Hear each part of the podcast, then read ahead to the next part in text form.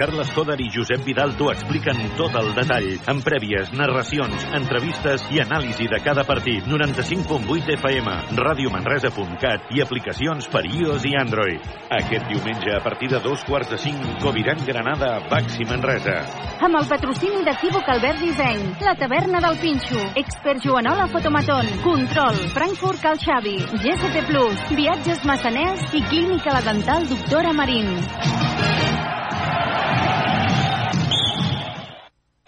En Manu, el Minimans, Manis pels amics, no, ha contractat la llum a Factor Energia i no, no s'estalvia en 12,5%. Manu, contracteu tots la llum. A factorenergia.cat i no farem més anuncis. Per fi hi ha una altra llum.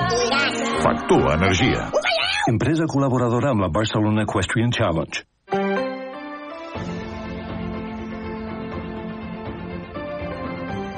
Hora L, Catalunya Central. Eli Pagant.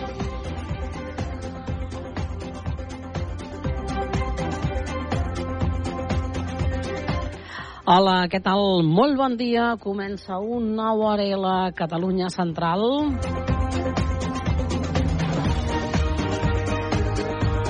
Avui som dilluns 29 de gener. Aquesta setmana ja ens finiquitem aquest primer mes de gener d'aquest 2024. Els explico què hem preparat en aquest Hora L Catalunya Central d'avui dilluns. Ja saben que tots els dilluns en aquest Hora L Catalunya Central coneixem en profunditat una persona de casa nostra. Avui hem, un, hem escollit una persona i coneixerem una persona que es passa la seva major part dels dies als jutjats. És advocat, però a més a més ell és el degam del Col·legi d'Advocats de Manresa. Avui hem convidat en aquest Orel a Catalunya Central, com dèiem, el degà del Col·legi d'Advocats, que és en David Caselles. Coneixerem, doncs, la seva trajectòria. Ell és en Manresà, va decidir estudiar dret, va començar treballant a Barcelona, llavors es va establir a Manresa i des de fa uns quants anys, doncs, és el degam del Col·legi d'Advocats de la ciutat de Manresa. Avui coneixerem en profunditat la figura d'en David Caselles. Avui comptarem en aquest hora la Catalunya Central amb la participació del nostre company, el Quim Roura.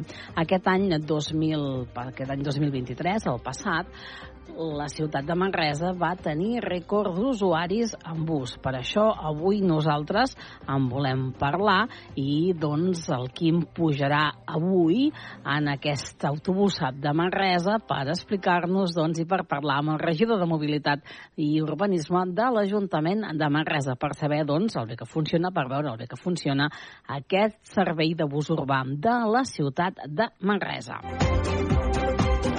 I avui nosaltres, en aquest Hora a la Catalunya Central, com tots els dilluns, ens guardarem uns minutets de ràdio per anar fins la 1 Manresa FUP. Avui volem parlar de podòlegs i fisioterapeutes que aprenen a treballar conjuntament en les primeres simulacions interdisciplinàries de la U Manresa FUP en aquests estudis. Avui, doncs, parlarem d'aquest CISARC, d'aquest Centre d'Innovació en Simulació que hi ha a la clínica universitària de la Humanresa FUB i avui qui ens parlarà doncs d'aquesta primera simulació és la coordinadora d'aquest projecte. Doncs tot això conforma aquest hora a la Catalunya Central, que ara mateix comencem.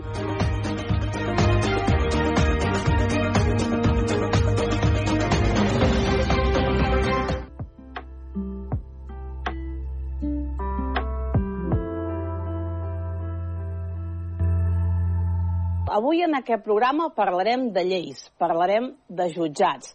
És fàcil esbrinar que avui hem convidat en aquest programa a un advocat. Ell, a més, és el degà del Col·legi d'Advocats de Manresa. Avui en aquest programa hem convidat el David Caselles, a qui li donem la benvinguda. David, gràcies per ser avui aquí. Gràcies, Eli, per convidar-nos. Manresà? D'on? On va néixer el David? De Manresa, efectivament, eh, vaig néixer, eh, soc fill de pare i de mare manresans i, i, i he fet tota la meva vida personal aquí. Eh? He estudiat aquí, més enllà de quan vaig estudiar després a l'Autònoma, però he fet la vida aquí. I em sento molt manresà, com no podria ser d'una altra manera, i, i a partir d'aquí, doncs, eh, molt content de- d'haver pogut desplegar també la meva etapa professional aquí, encara que suposo que després sortirà. En parlarem, sí. Una, una part de la meva vida la vaig passar també a Barcelona. On estudies, llavors? A quins són els col·legis? Per on passa el David? Jo vaig començar al començament de tot, de molt petitó, però encara quan passo per davant sempre sempre me'n recordo del jardí de la infància, allà al carrer Camps i Febrers. Després a la Salle. Ja el meu pare va anar a la Salle i ja estava com una mica predestinat. Era un moment en què era, era molt, molt habitual anar, anar a aquella escola que, a més a més, no feia masses anys que havien obert, allà al carrer de la Pau, que en aquell moment es deia Héroes de Codo, i era com un món molt gran, molt, molt nou, molt, molt, molt bé. Vaig passar-me tota la bàsica, tot el que era l'EGB a, la, a la Salle, aprenent molt i recordant molt tota la gent que allà vaig conèixer, companys amb els quals encara tinc contacte, perquè un cop l'any fem... Trobades, fem eh? trobades, exacte, professors, mestres, dels que tinc molt bon record. I allà vaig fer fins al tercer de BUP, tot i que podia fer el quart, el, perdó, pe- perdó, fins al segon de BUP, perquè tot i que podia fer el tercer de BUP, que en aquell moment el batxillerat estava distingit, distingit entre el BUP i el COU, però vaig voler anar a fer els dos últims anys de, a Manresa a l'Institut Lluís de Peguera, el tercer de BUP i el COU, del qual guardo també un altre excel·lent record. Hi ha molta gent amb la, amb la que encara tinc contacte, allò era un món diferent, i vaig veure, vaig i viure experiències molt interessants aquells dos anys, finals dels 80. Clar, estudia dret, no sé ja si des, tenia molt clar el que, el, que volia, el que volia estudiar i el que volia ser.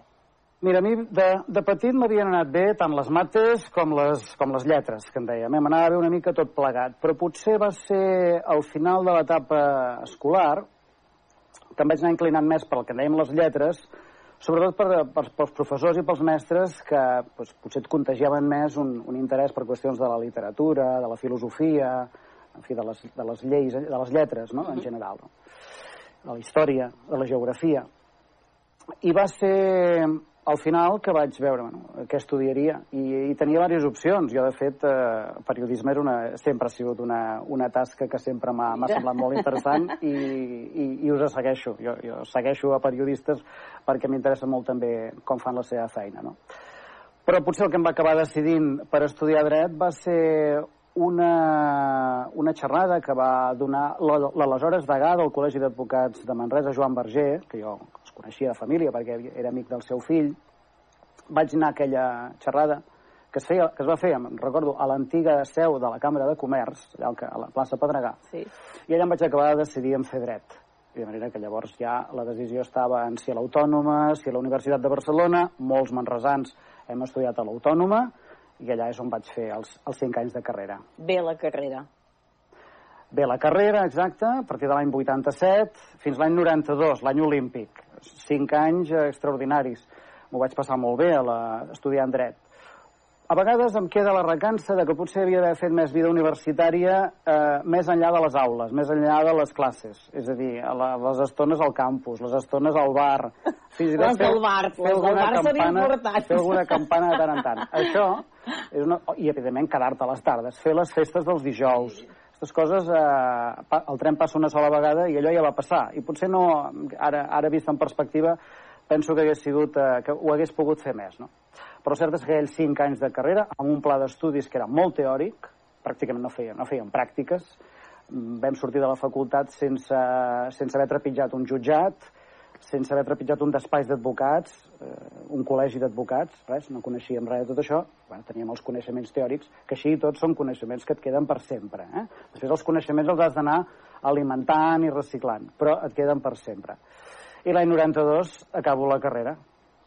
I què passa després? Acabo la carrera. I, I llavors, què, què decideix fer? Eh, jo, jo en aquell moment em quedava pendent eh, allò, de, allò que llavors era la mili, que era aquella, aquella barrera que ens trobàvem i que vam, intentàvem salvar com podíem. Però en aquell moment es havia de fer, jo en, en aquell moment encara existia la, la, la, el servei militar, i tot i que jo havia demanat pròrrogues i pròrrogues i pròrrogues, i a més a més en aquell moment hi havia excedents de, de contingent i molts se n'alliberaven, jo en els sortejos que feien els diumenges veia que quan es feien, ostres, jo m'hagués alliberat, però clar, havia demanat pròrroga, havia de continuar. Però resulta que l'any que finalment sí que o feia una cosa o feia l'altra, doncs no vaig ser excedent de contingent, de manera que vaig haver de fer el servei militar, Vaig optar per fer el servei militar i no la, el que en dèiem lla- llavors la, el servei social substitutori, uh -huh. que era una bona opció, però que tenia l'inconvenient que no sabies quan el faries. Eh? No, no, no. En canvi, la, la mili la feia segura immediatament. No? Eren nou mesos, van ser nou mesos, va ser el primer any que va baixar d'un any a nou mesos, i la meva destinació va ser Mallorca, de manera que vaig passar-me nou mesos eh, entre el 92 i el 93 a Mallorca, al mig de la illa, en un aquartelament molt petit que es deia Puntiró, que es diu Puntiró, fet ara ja no, ja no té funcions eh, militars, i allà vaig aprendre lo poc o gens eh, que recordo de, del que era les, la, la instrucció militar, eh, que per cert em va interessar relativament poc i, i, i, i, que com a anècdota eh, jo recordo que quan es tractava de fer les classes de tir jo no sé si és que no sabia tancar bé l'ull o tancava l'ull equivocat, la qüestió és que no n'encertava ni una, però tampoc ningú em posava cap nota. O sigui que jo el tema de les armes no, no anava amb mi. I al tornar, Al tornar, troba feina relativa? Sí, al tornar i també allà, eh? perquè eh, al final hi ha tant de temps que jo em vaig fer, vaig donar la clau de la, de la biblioteca, de la petita biblioteca que hi havia allà, i gairebé era meva, només hi anava jo. Eh? La resta hi tenia poc interès en els llibres, jo allà sí hi anava. I allà vaig començar eh, a estudiar mm, una mica per començar-me a preparar per fer oposicions. Jo la meva idea inicial era preparar-me per fer oposicions. En aquell moment eh, doncs, la meva idea era o oposicions a jutge, a fiscal, eren oposicions molt semblants i, i em semblava que era, que era una possible sortida que, que em podria interessar. I vaig estar estudiant oposicions allà, allà mateix a l'Emili i sobretot després també durant pràcticament un any a casa amb un programa de, d'organitzar-me jo mateix, de, tot i que era molt dur, i després vaig veure que necessitava més activitat i que allò de les oposicions, que eren, era cosa d'anys, que no hi havia cap certesa, que en el fons sí que potser acabaves tenint molt coneixement teòric i molt memorístic, però molt poc pràctic, seguia una mica amb aquesta part de- d'estar enclaustrat amb els llibres, em va semblar que la meva vida necessitava un altre tipus d'activitat, un altre tipus d'energia, i vaig decidir fer-me advocat. Va a Barcelona a treballar. Efectivament. Com és? Vaig a Barcelona perquè vaig trobar un anunci al diari que va dir, advocat júnior, vés i Encara apunta aquí. funcionava allò, eh, de Encara les pàgines, sí, aquelles sí. hores, els anuncis al diari. Vaig veure l'anunci al diari i vam trucar. I es va haver de fer un procés, vaig haver de fer un procés de selecció bastant intens, eh? amb psicotècnics, amb una empresa especialitzada que va fer la selecció, i al final, doncs, amb l'entrevista última, que els responsables d'aquell despatx em van agafar com a advocat júnior, efectivament, com un advocat sense cap experiència eh, en fer d'advocat, i per tant absolutament obert d'aprendre-ho absolutament tot del que és la nostra professió, que és molt, perquè una cosa són els coneixements teòrics dels que parlava abans i l'altra són tot el que significa la pràctica habitual de l'exercici de l'advocacia, que des de llavors m'ha atrapat i per tant tot el que ha estat des de llavors, eh, principis dels... Jo estic parlant ja de l'any 94, eh, i estem situats l'any 94, des de llavors, per tant fa 30 anys que, que em dedico a això, començant des de la base i, i aprenent-ne sempre, cada dia. Quants anys... Està força anys a Barcelona. Estic força anys, sí. Vaig estar... Sí, perquè a més a més va ser, va ser en, en, havia molta feina, jo hi estava bé, sí que havia de pujar i baixar cada dia, era, era, era el gran inconvenient.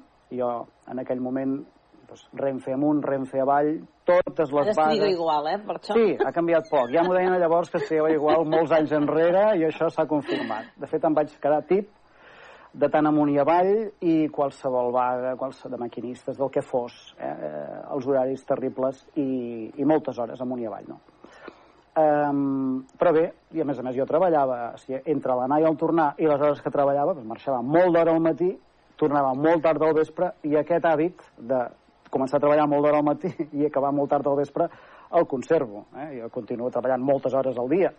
Eh, M'agafo els meus respirs, clar. Però sí, sí, va ser, va ser això. Vaig estar molts anys, vaig estar pràcticament fins l'any 2005, és a dir, més de 10 anys, anant-hi cada dia, i després encara uns anys que hi vaig seguir col·laborant. Però l'any 2005 vaig veure que si jo volia conciliar una mica la meva vida familiar, si jo volia veure els meus fills i els volia disfrutar quan eren petits, havia de fer un pensament i havia de deixar Barcelona i havia de buscar la meva vida professional allà on tenia la meva vida personal, que era Manresa.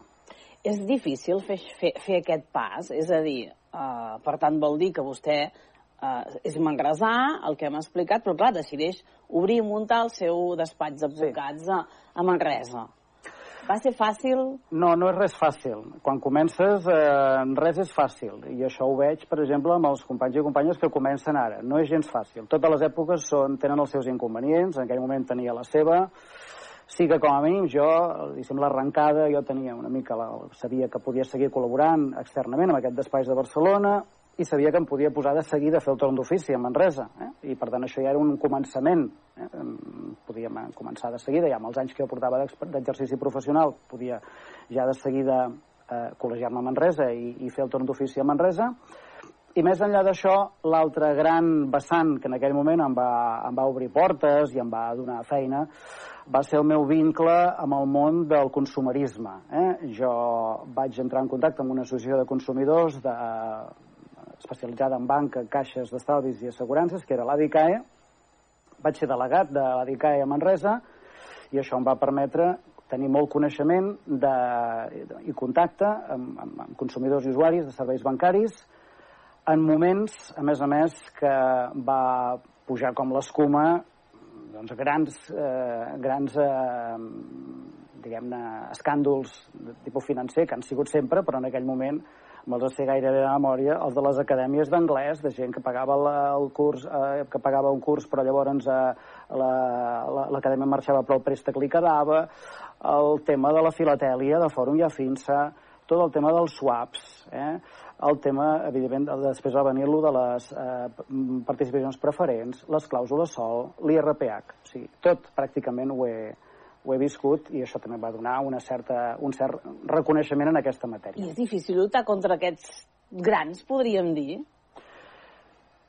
Al principi gairebé era impossible. Això sobre si era fàcil o difícil, està, al principi gairebé impossible des del punt de vista inclús judicial. Tenies poca, poc marge per poder-te poder defensar de contractes que estaven signats, de, amb, amb moltes garanties que havien passat per notaris, la qual cosa a, ulls d'un jutge allò, allò anava a missa. Però que el notari d'això hi havia donat fe. Sí, sí, naturalment, clar. Llavors anar a dir que, que el client no sabia el que havia signat o que no havia estat prou ben informat o que se li havia deixat d'entregar de, de, de algun tipus de documentació precontractual, tot això això va ser amb el temps que es va anar, que va anar guanyant pes, no? aquesta, aquesta argumentació eh, de defensa de les persones consumidores, i sobretot eh, el, el pes definitiu el va guanyar quan van començar a arribar sentències eh, europees que van tocar el crostó eh, a, el que eren les lleis i a la jurisprudència que s'estava aplicant a, a Catalunya o a Espanya, i a Espanya i allò va ser un abans i un després.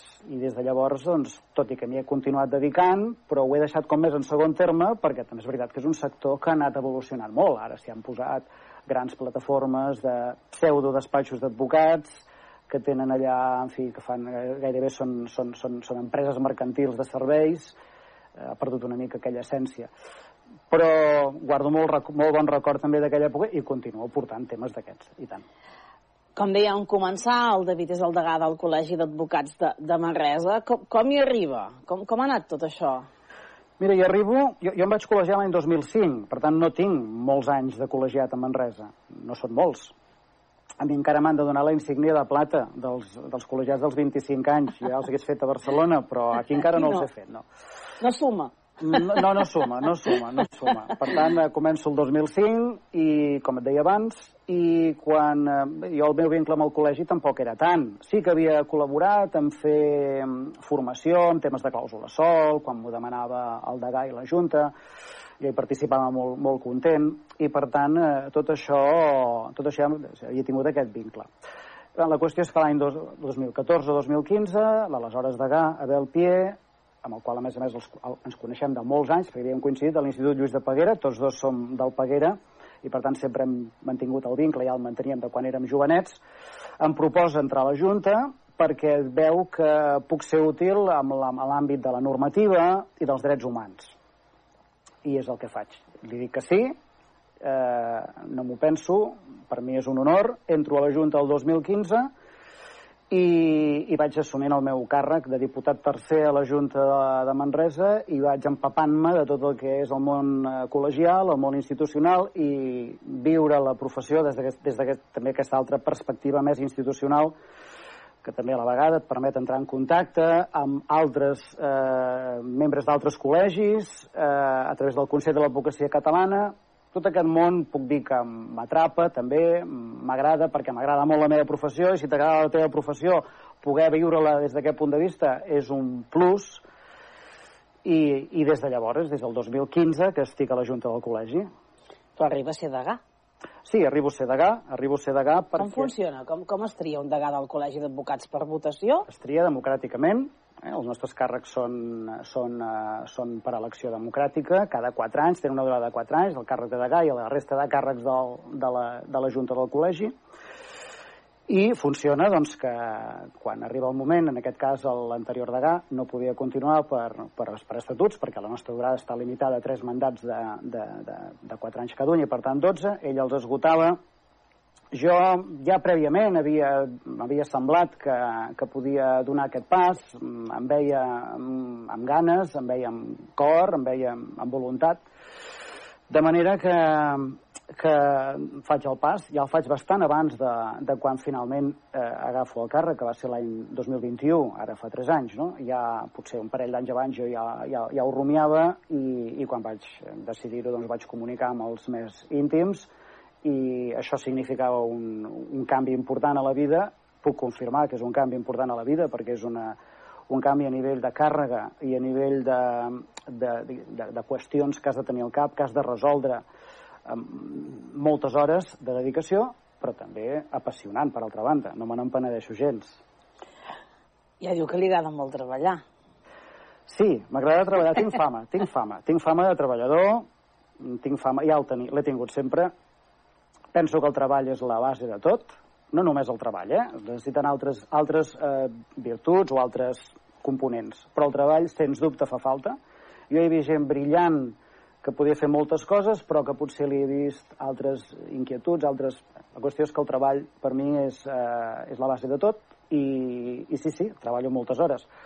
Tinc fama de ser molt treballador i tinc fama també de fer treballar els altres, a la gent que tinc al meu voltant. Sí, sí, els faig treballar. A mi els companys de Junta ja m'ho diuen. Eh? Les junta, cada Junta tractem molts temes, podem estar 3-4 hores reunits, perquè els temes que un col·legi com el nostre, eh, que algú li pot semblar, però com pot ser, no? Hi hagi tanta activitat en un col·legi com el nostre, que és l'onzè col·legi de Catalunya en número de cens, som uns 200, gairebé 260 advocats exercents, pot donar tanta feina. Clar, és que les qüestions que hi ha al voltant de l'advocacia la, institucional són moltes, ja no només del col·legi, com deia abans, sinó del Consell de l'Advocacia Catalana, on tinc les meves funcions, les meves responsabilitats, i el Consejo General de l'Abogacía Espanyola, on també sóc mm, conseller, com ho som tots els degans, i on també participo de, de, de, de les comissions de les que sóc membre.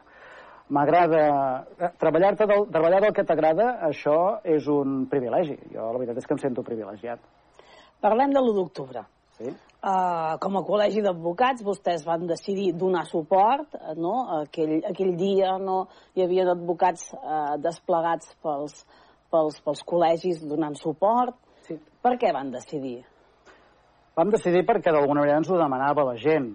O sigui, ja estàvem rebent consultes de què passa, què podem fer, què es pot fer, si ja està a les meses, què, què pot significar a nivell penal, a nivell civil, a nivell administratiu, multes, hi havia com una inquietud. Això per una banda, a nivell més extern. Hi havia també una inquietud a nivell més intern del col·legi. Hm? Hi havia molts companys i companyes que creien que alguna cosa es havia de fer, que alguna cosa d'alguna manera ens havíem de posicionar. Ja el col·legi s'havia mm, posicionat en el sentit d'adherir-se al Pacte Nacional mm, pel dret a decidir, en primer lloc, i després al Pacte Nacional pel referèndum. Es van fer unes assemblees obertes a la participació de tots els col·legiats per establir aquestes adhesions. Per tant, eh, el col·legi va fer aquest pas i és una qüestió de la qual donar cal donar-li el, el reconeixement al, al company Abel Pie com a degà que en aquell moment portava, portava aquesta qüestió i efectivament en aquell moment decidim crear una xarxa d'advocats per tot el Bages i part del Moianès, tot el que era el nostre territori, pràcticament tots els col·legis on, hi havia, on es votava hi havia un, ulls dels nostres, érem aproximadament 60 advocats i advocades que ens vam desplegar, i jo vaig assumir la tasca una mica de coordinador d'allò, eh?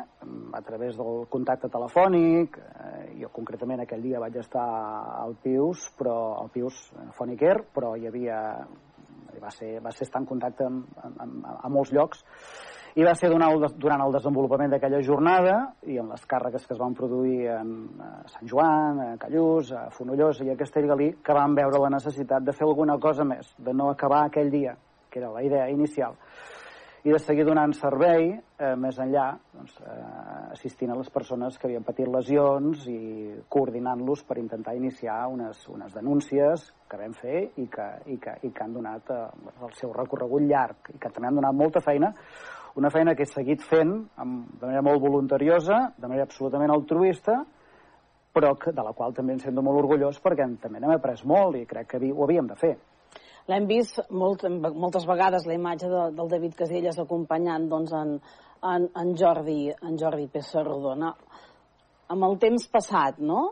Aquesta causa està ja tancada completament?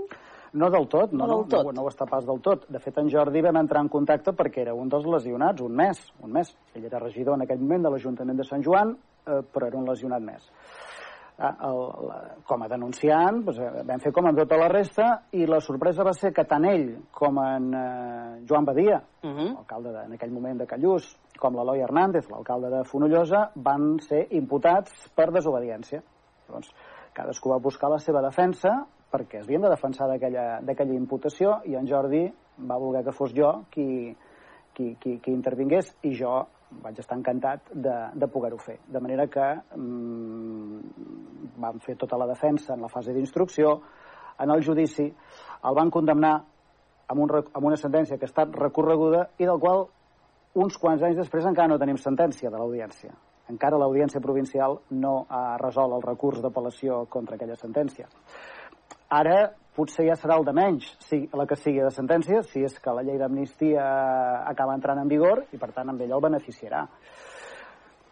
Però jo penso que, d'una manera estranya, la sentència no ha arribat. Jo no, no dic més estrany. La qüestió és que la sentència no ha arribat. Si s'ha allargat per algun error, no sé, la qüestió és que la sentència no ha arribat, està, és a la secció novena de l'Audiència de Barcelona i suposo que a qualsevol moment la tindrem jo sóc optimista, sempre he pensat que amb ell s'hauria d'absoldre. En tot aquest procés va anar a Madrid, també. Sí, exacte, vaig anar a Madrid perquè, de fet, hi vaig anar, vaig anar-hi perquè hi anava ell, no? Uh -huh. o sigui, aquí vam entrar...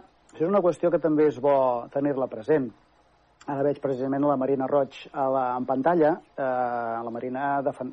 juntament amb l'Àlex Solà i amb Benet Salelles, defensaven amb Jordi Cuixart, eh, d'Òmnium, i eh, vam establir contacte amb el que eren els advocats d'arreu del territori català que havien fet eh, assistències a temes d'1 d'octubre, i en el cas de Manresa, doncs amb nosaltres, i especialment amb mi. No? Llavors va ser, va ser així que vam proporcionar proves de vídeos, de documentació, tot el que, la prova que va, va, la va considerar, va considerar els advocats útil i necessària per la defensa del seu client i una de les proves era la, la intervenció com a testimoni d'en Jordi Pessarrodona. El Jordi Pessarrodona en aquell moment era, continuava investigat, no, no havia estat encara jutjat, i com a testimoni eh, tenia l'obligació, si era proposat doncs, i citat, de dir la veritat, però a la vegada no dir allò que el podia perjudicar en la seva defensa. Per tant, podia tenir l'advocat al costat per aturar l'interrogatori eh, si calia. Val a dir que va ser una experiència molt interessant estar eh, no sé, eh, dos metres d'aquells magistrats que hem, vam veure tantes vegades en Marchena i companyia, tantes vegades en pantalla, eh, jo els vaig veure en directe, allò fa la seva impressió, aquella sala, val a dir, valia la pena ser-hi aquella estona.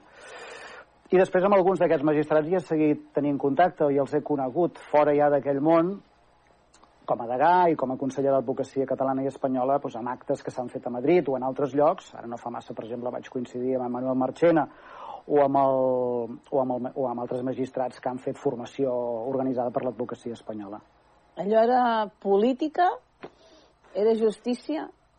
Per mi era, era un judici polititzat, era un judici farsa, era un judici que no havia d'haver sigut mai. Eh, era un judici sobre el, en el qual nosaltres ens havíem manifestat diverses vegades, els advocats, amb la toga posada, a Barcelona, a Madrid, a diferents llocs. He, anat a, he, fet, he estat a, portant pancarta eh, bastant, bastantes vegades.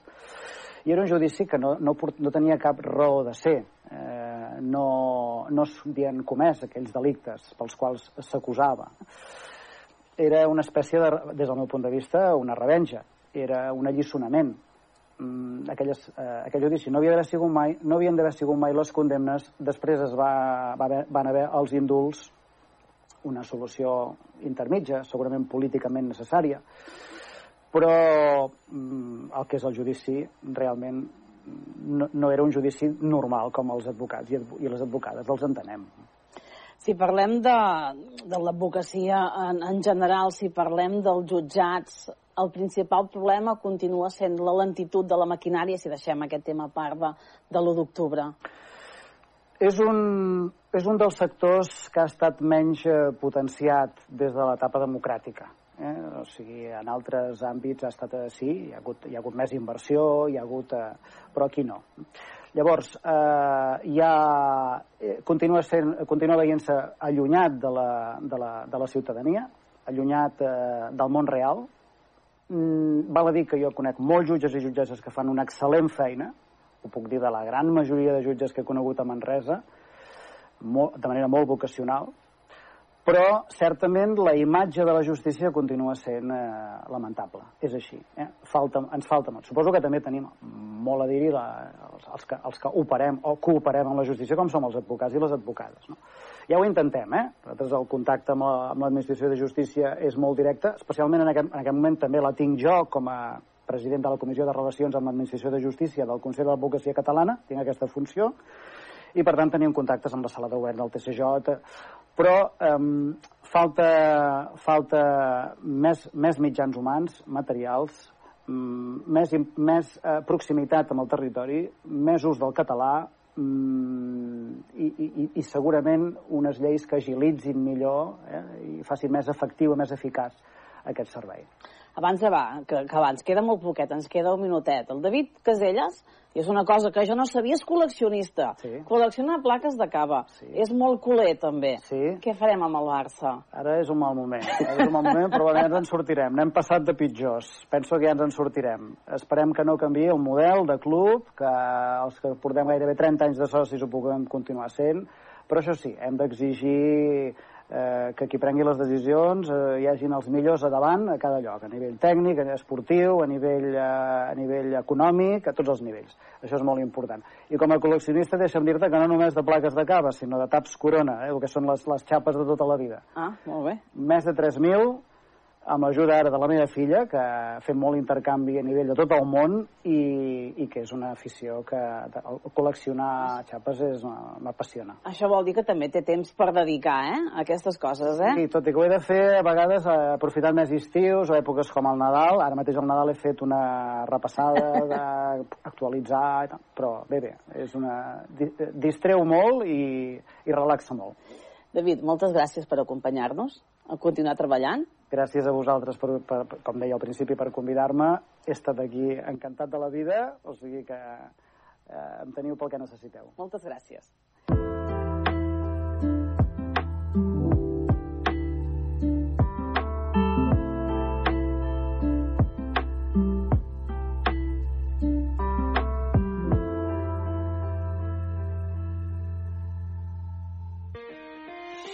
Hora L, Catalunya Central. Eli Pagant.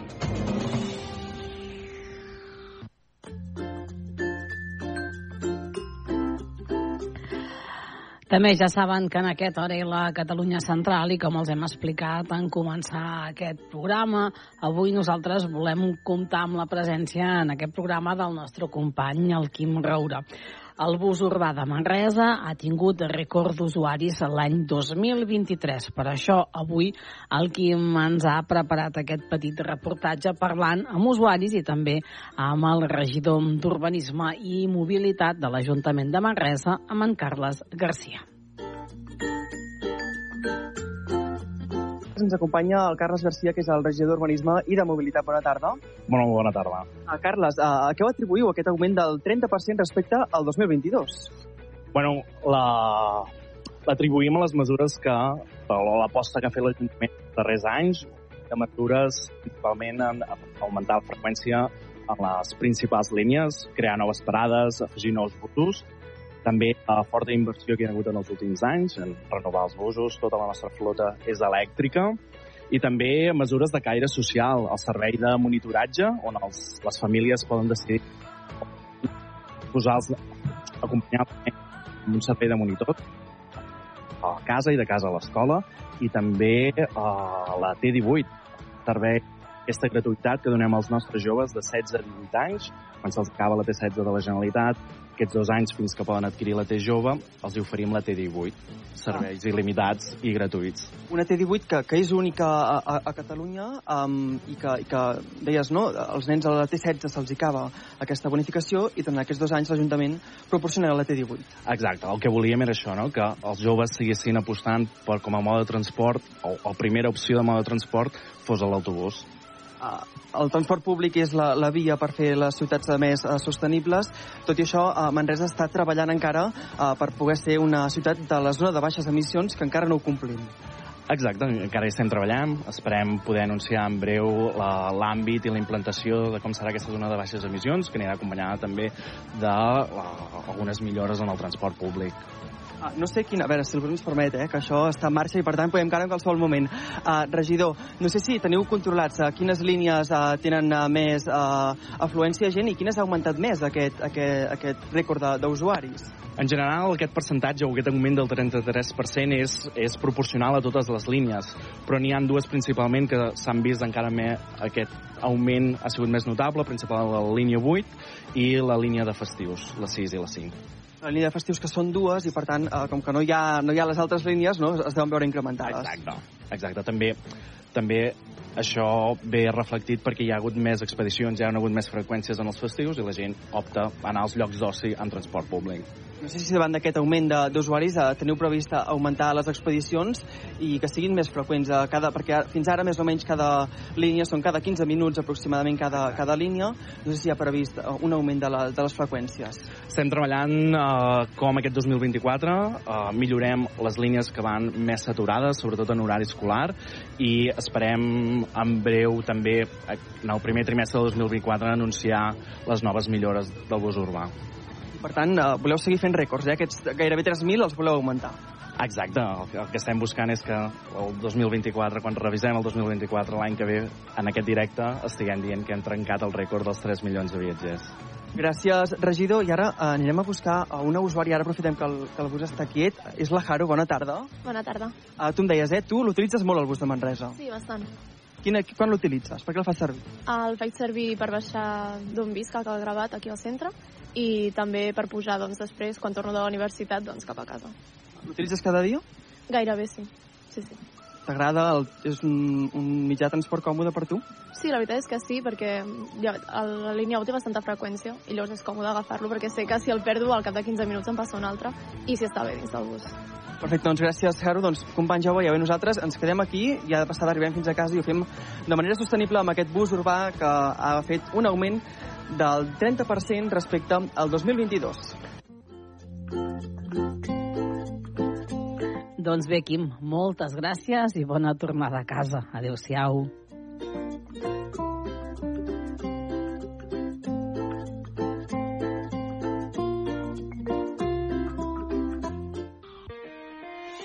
Hora L, Catalunya Central. Eli Pagant. Nosaltres saben que tots els dilluns en aquest hora la Catalunya Central ens traslladem fins la U Manresa FUB. Guardanem, ens guardem uns minutets de ràdio per parlar de molts dels projectes que tenen. Avui nosaltres volem parlar de podologia, de fisioterapeuta i de simulació. Ho barrejarem tot, de fet qui ho ha barrejat més són ells. Per això avui hem convidat a la Yolanda Álvarez. La Yolanda Álvarez és la coordinadora d'aquesta implementació d'aquesta simulació en aquests graus graus. Per això, primer de tot, la saludem. Yolanda, molt bon dia. Hola, bon dia. Gràcies, doncs, per acceptar la, la, nostra, i, la nostra invitació de ser avui aquí en aquest Orela Catalunya Central. Clar, tota aquesta simulació eh, es fa a través d'aquest centre, d'aquest CISAR, d'aquest centre d'innovació en simulació. Yolanda, què representa tenir doncs, a la UMA Manresa FUP un centre d'aquestes característiques i al qual doncs, els estudiants i les, les estudiants nois, noies puguin anar doncs, a fer les seves pràctiques en, aquests, en aquest centre, en aquest, en aquest, en aquest lloc de simulació? Eh, doncs eh, per nosaltres és molt important el, el fet de que de que en el CISARC, en aquest centre que trobem a la clínica universitària i que està liderat per l'Aida Camps, eh, l'expertesa que tenen al llarg dels anys. I tot això ho estem, ho estem aprofitant, estem tibant d'ells per tal de que, de que la implementació en el grau de podologia pues, eh, es faci amb, amb, amb, amb una bona implementació i que i, i aquesta expertesa també ens està ajudant a que els estudiants estiguin rebent amb, amb molt bon amb molt bona positivitat la, la presència d'aquesta metodologia al llarg dels estudis del grau. Mm -hmm. uh, des de quan? És a dir, fin, quan, quan va començar aquesta, aquesta implementació? Quan els futurs podòlegs van començar a entrar també en aquest centre? Yolanda? Doncs eh, estem fent la implementació des del curs 21-22, tot i que prèviament havíem fet alguna coseta, algun tastet molt petit en relació amb la simulació, però sí que és cert que des de des del curs 21-22 i coincidint amb, amb, la, amb el canvi de, de modalitat d'estudis en el grau de podologia, eh, estem fent aquesta implementació de forma com més sistemàtica en diverses assignatures i en diversos graus, ai, en diversos graus, no en diversos cursos. Eh, la idea és que el grau de podologia ha passat a ser un grau semipresencial. Llavors, eh, clar, eh, els estudiants estan fent part de, de la seva formació de forma autònoma i part de forma presencial. En aquesta situació doncs, ens vam plantejar que quan els estudiants vinguessin a, a la universitat a fer les seves classes presencials, doncs, que aquestes classes tinguessin un, un plus, que tinguessin un aspecte molt més vivencial per tal de poder moure i per poder consolidar tots els aspectes que estan treballant de forma autònoma i, de fet, pues, els estudiants, com, com et deia, ho han rebut superbé. Um, uh, clar, de fet, uh, s'entén, no? El CISAR que el que s'hi va doncs, és a fer, podríem dir, pràctiques, però clar, d'una forma, forma molt més, molt més real. Sí, Sí, sí, en, en el CISAR el que estem fent, o amb l'ajuda del CISAR el que estem fent és generar diferents situacions que els estudiants en la seva futura vida professional la, les podran trobar en el seu dia a dia. Es generen aquestes situacions, sobretot en un entorn de seguretat, perquè l'estudiant s'hi senti còmode i s'hi senti a gust, i a partir d'aquí pues, és, està eh, còmode pues, per treballar les seves, eh, les seves competències, per treballar els seus coneixements, perquè el propi estudiant també reflexioni sobre aquella acció, si ho portava bé, si necessita consolidar algun aspecte. És una manera com per arrodonir molt bé, d'una manera molt vivencial, a aquelles a, explicacions o aquells temes que fem pues, des d'un punt de vista més teòric. Uh, ara dèiem que avui volíem parlar doncs, amb, la, amb la Yolanda perquè 40 estudiants de, dels graus en Podiologia i Fisioteràpia de la Facultat de Ciències de la Salut han participat aquest passat mes de gener en una primera simulació interprofessional. Què vol dir això? Què s'ha fet, Yolanda? Doncs mira, el que, el que hem fet ha sigut treballar conjuntament amb, amb els estudis de fisioteràpia, generant grups d'estudiants en què convisquessin estudiants del grau de fisioteràpia i estudiants del grau de podologia. La idea o l'objectiu d'aquesta simulació interdisciplinar és uh, potenciar les habilitats comunicatives i el treball interprofessional, sempre des del punt de vista o des de l'objectiu de millorar els resultats clínics amb els pacients i que també pues, els, els estudiants puguin incorporar la perspectiva del treball de l'equip i, i l'aprenentatge d'aprofitar les sinergies que es poden generar entre diferents professionals. Llavors eh, es van plantejar grups en els que convivien cinc estudiants de fisioteràpia, cinc estudiants de podologia, i eh, conjuntament estaven fent un, un, simulació de dos casos. Se'ls van plantejar dos casos, un cas de fascitis plantar, un cas de trocanteritis, i bé, a, a l'hora d'interaccionar amb el pacient es treballava per parelles, es va generar una parella per un cas i una altra parella per un altre cas, una parella podòleg-fisioterapeuta. I la idea és que els dos estaven interactuant a la vegada amb, amb el pacient, Mm. De forma que, de forma que entre els dos eh, s'han hagut d'organitzar, han hagut de fer una anamnesi compartida, han fet una valoració clínica compartida, una proposta de tractament compartida, i tot això ens ha permès veure el diàleg entre els dos professionals, entre els dos estudiants, en aquest cas, el donar el punt de vista de, des d'uns estudis o des d'uns altres, però com tot, tota aquesta feina conjunta i complementària ha, ha tingut, a, ha resultat en l'objectiu comú i és corroborar un diagnòstic i extreure a un, una proposta terapèutica pel pacient que sigui comuna i que no sigui una proposta pues, des d'una disciplina o d'una altra disciplina, sinó donant a veure que entre les dues eh, es pot donar una molt bona complementació per tractar cadascun dels problemes que puguin sorgir. Això és el que es trobaran mm, a la vida real, també, segurament. Exacte. No? Eh, Exacte. Exacte, de fet, els estudiants, una vegada acabada l'experiència i, i parlant amb ells, els estudiants van rebre superpositivament aquesta, aquesta experiència i ens deien, ens comunicaven que, que això els havia permès a eh, reflexionar sobre que ells, eh, clar, cadascú estudia pues, o podologia o fisioterapeuta i et centres en, en com estan organitzats aquests estudis aquesta experiència interdisciplinar els ha fet reflexionar que no només hi ha una, no només hi ha una visió, sinó que poden veure més enllà dels seus estudis, poden veure com es treballa entre d'altres disciplines i poden compartir i col·laborar entre diferents professionals sempre tenint el pacient com a objectiu. Uh -huh. Per tant, com tu deies, és una molt bona visió del que trobaran en el seu dia a dia com a futurs professionals de la salut. Uh, va, mm, vau poder, és a dir, entenc no, que quan es fa una activitat d'aquestes uh, característiques també demaneu, no, suposo, als, als alumnes, als participants, com, com els hi ha anat, què els hi sembla?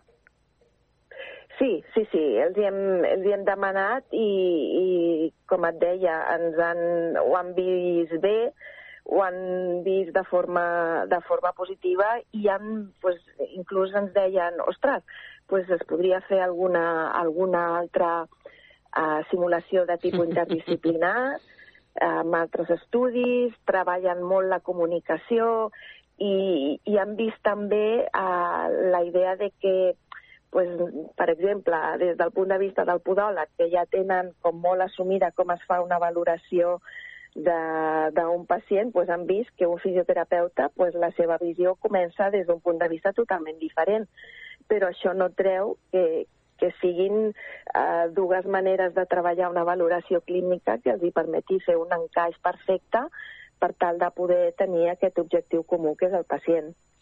Uh, Yolanda, la idea és, suposo que això, el que dèiem, eh, com ara us ho demanaven, també de fer més, més simulacions, uh, um, la idea és fer-ne més, també, suposo, de per part vostra, eh?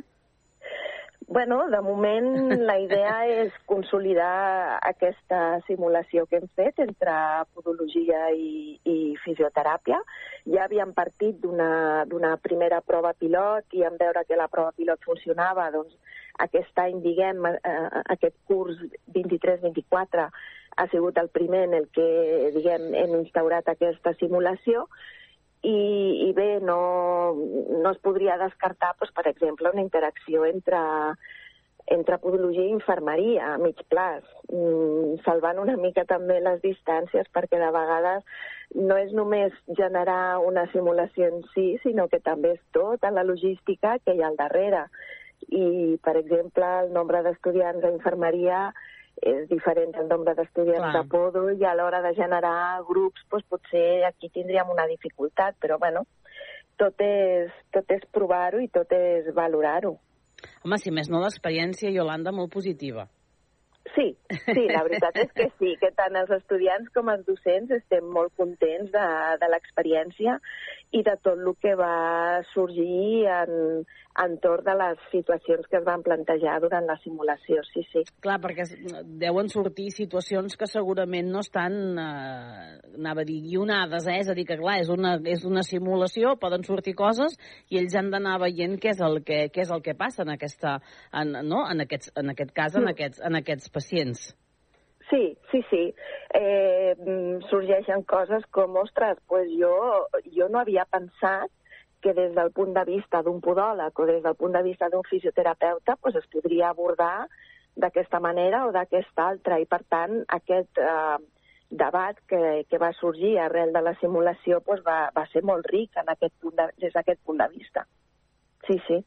Doncs ja ho saben, aquest CISAR, que és aquest centre d'innovació en simulació que, com ens explicava la Yolanda, hi ha la clínica universitària i que doncs fa aquestes simulacions. En aquest cas, aquest gener s'ha fet aquesta primera simulació interprofessional entre futurs professionals de uh, podologia i també fisioteràpia. Avui nosaltres li agraïm molt a la Yolanda Álvarez que ens hagi volgut acompanyar en aquest hora a la Catalunya Central. Yolanda, moltes gràcies. Moltes gràcies a vosaltres. I molt bon dia. Bon dia. Hora L, Catalunya Central. Eli Pagant. I com els hem explicat en aquest Orela Catalunya Central, avui volem escoltar una nova peça, en aquest cas de la cantant manresana Sara Roy. Acaba de publicar Cor de Cendra, una cançó sobre la pèrdua i el record. Escoltem-la.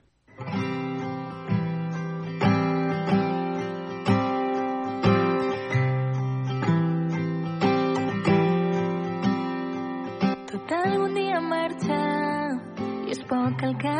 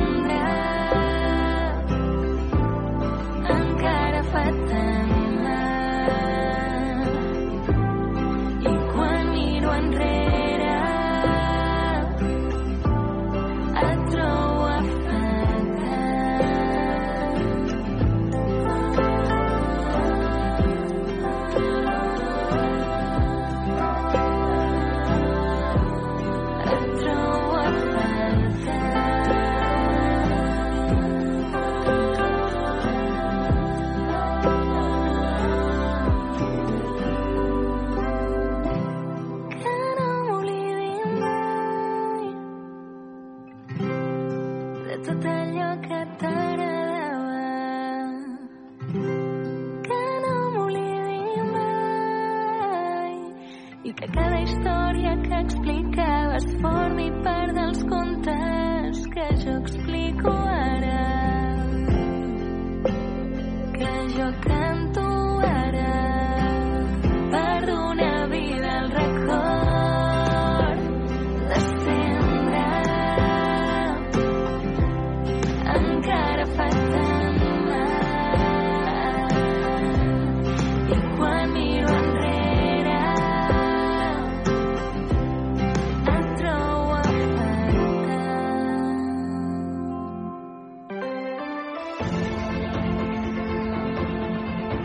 I amb aquest cor de cendra de la Sandra Roy acabem aquest hora i la Catalunya Central d'avui dilluns. Nosaltres, com sempre, tornem demà quan passin uns minutets de les 12 del migdia. Adéu-siau, molt bon migdia i fins demà.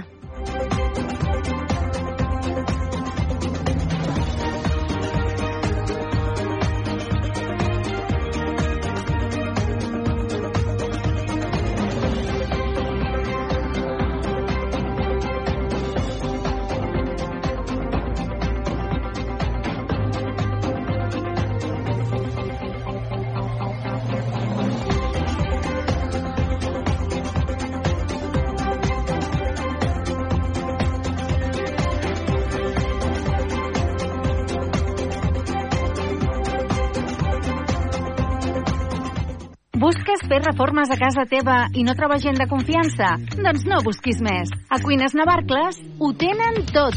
Fusters, paletes, llauners, electricistes, finestres d'alumini i el més important, són gent de confiança. Cuines Navarcles fan que casa teva sigui el lloc on t'hi sentis més a gust. Demana més informació a l'Avinguda de les Bases 49 de Manresa o al telèfon 93 877 2803 93 877 2803 Cuines Navarcles. Tot amb una sola mà. Bàsquet a Ràdio Manresa. L'equip encapçalat per Carles Coder i Josep Vidal t'ho expliquen tot el detall, amb prèvies, narracions, entrevistes i anàlisi de cada partit. 95.8 FM, radiomanresa.cat i aplicacions per iOS i Android. Aquest diumenge, a partir de dos quarts de cinc, Coviran Granada, Baxi Manresa. Amb el patrocini d'Equívoc Albert Disseny, la taverna del Pinxo, Expert Joanola Fotomaton, Control, Frankfurt Cal Xavi, GST Plus, Viatges Massaners i Clínica La Dental Doctora Marín. Contra 12 de sus miembros por apoyar los ataques de Hamas en Israel. Bruselas no descarta que los fondos comunitarios se puedan distribuir a través de otras organizaciones mientras se siguen sumando países, no es el caso de España, que están aparcando la financiación a la UNRWA. Antonio Martín. La Unión Europea destina ayuda a Palestina por distintas vías, pero en el caso concreto de la UNRWA, desde 2018 ha distribuido más de 500 millones de euros. Confirma Bruselas que esa ayuda se va a seguir enviando, pero avisa.